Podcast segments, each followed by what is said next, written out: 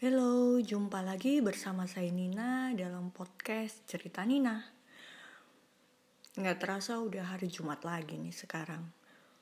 Terus terang makin ke sini saya tuh makin bingung mau ngomongin topik apa lagi ya gitu. Jadi pagi ini saya putuskan untuk membahas salah satu buku favorit saya. Judulnya adalah Filosofi Patah Hati dan Pacaran yang Sejati. Yang nulis itu M. Nurul Banan jadi sebetulnya ini bukan buku bestseller gitu. Saya juga nggak sengaja nemu sih, bukan dari penerbit besar juga. Penerbitnya itu Pustaka Pesantren. Covernya juga nggak menarik sebetulnya. Malah jayus kalau menurut saya. Gambarnya itu kucing mau nangkap tikus. Tapi isinya ini bagus banget. Ya sebenarnya buku ini itu panduan untuk meraih martabat cinta yang mulia dalam pacaran. Pacaran loh ya, bukan nikah. Kalau nikah kan modalnya nggak cuma cinta aja. Dan buku ini sebenarnya udah lecek banget gitu, saking seringnya saya baca-baca. Karena walaupun saya udah nikah, ternyata buku ini masih berguna bagi saya. Jadi episode hari ini saya akan cerita sedikit tentang buku favorit saya.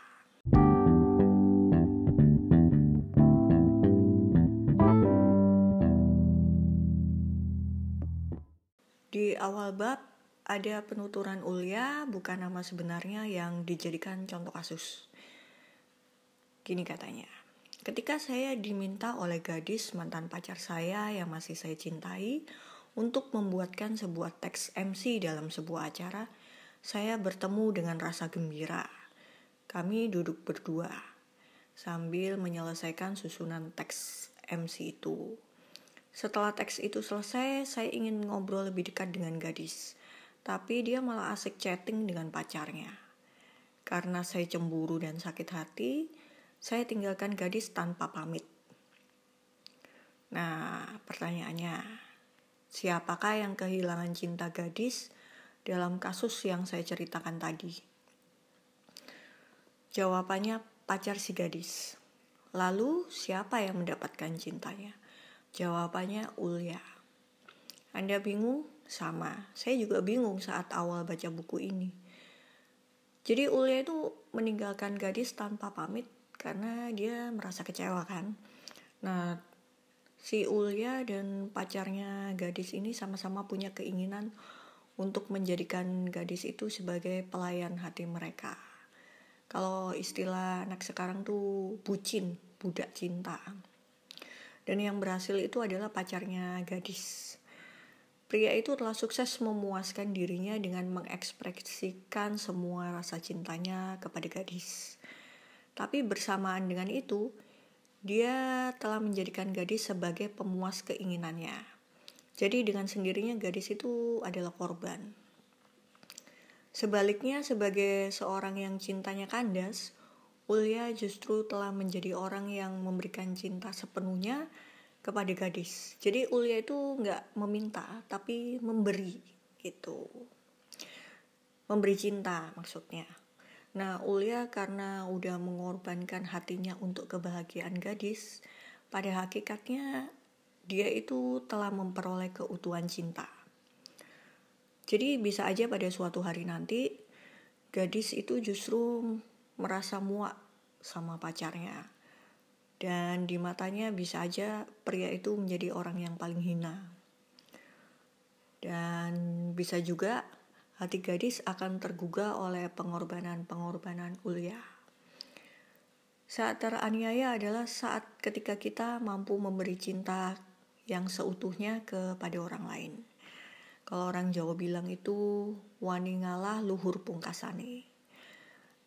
Artinya tuh berani mengalah, mulia akhirnya. Jadi inilah konsep cinta yang hakiki.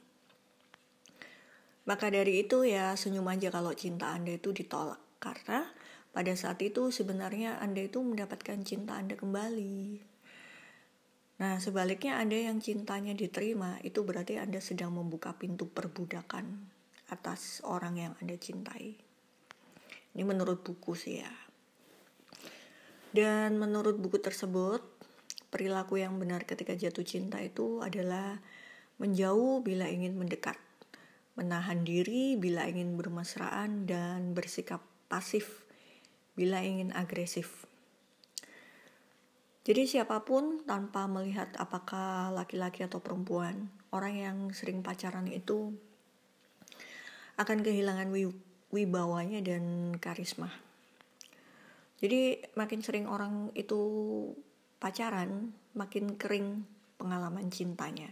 Karena pacaran itu cuman menjadikan cinta itu sebagai sarana kepuasan hasrat birahi dan kesenangan diri yang akhirnya kehilangan makna cinta.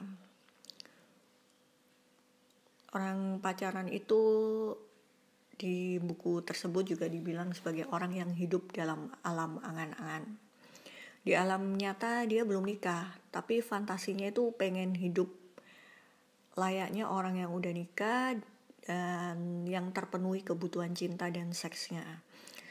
Jadi kalau Anda punya pacar, yakinkanlah pada diri Anda bahwa anda adalah orang yang paling menghina dan melecehkannya. Mesra, romantis, intim dalam pacaran itu adalah birahi yang sejati. Itulah kehinaan yang sejati. Sebaliknya, kecewa, sakit hati, patah hati, ditolak cinta, teraniaya cinta, semacam-macam lah semuanya itu dalam pacaran, itulah cinta yang sebenarnya. Itulah martabat tertinggi cinta. Nah, patah hati karena ditolak itu kan gak hanya karena urusan asmara aja, tapi juga bisa berlaku dalam banyak hal. Seperti karir misalnya, eh, semakin Tuhan menyukseskan karir seseorang, biasanya seseorang itu makin dilarutkan dalam penderitaan. Nah karena saya itu kadang-kadang mengalami kegagalan ya, jadi buku ini tuh akhirnya sering banget saya baca-baca kalau lagi down dan bisa menjadi obat untuk menghibur saya. Jadi sebenarnya kegagalan itu bukan kesuksesan yang tertunda. Kegagalan itu kesuksesan yang tidak terjadi. Gagal itu ya gagal aja gitu. Jadi harus saya terima dengan lapang dada. Maka ketika saya memasuki mas eh, kawasan yang sulit, susah, gagal, teraniaya, tertindas, disakit, aduh macam-macam lah pokoknya yang menderita gitu.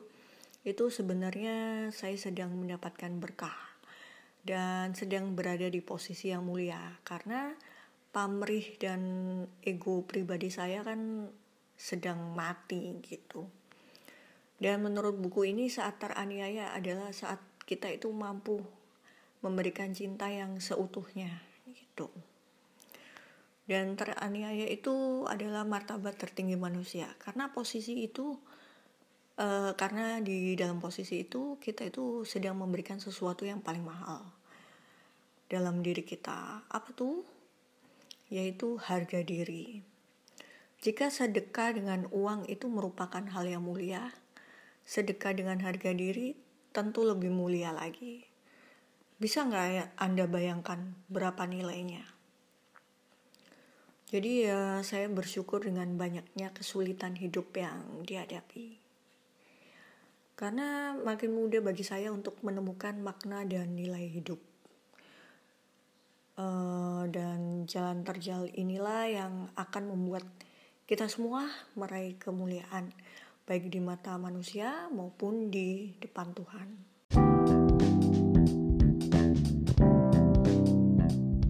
Buku ini menemani saya untuk menelusuri cinta dengan jalan menuju kemuliaan dan menghindari cinta atas dasar keinginan dan hasrat rendahan. Lalu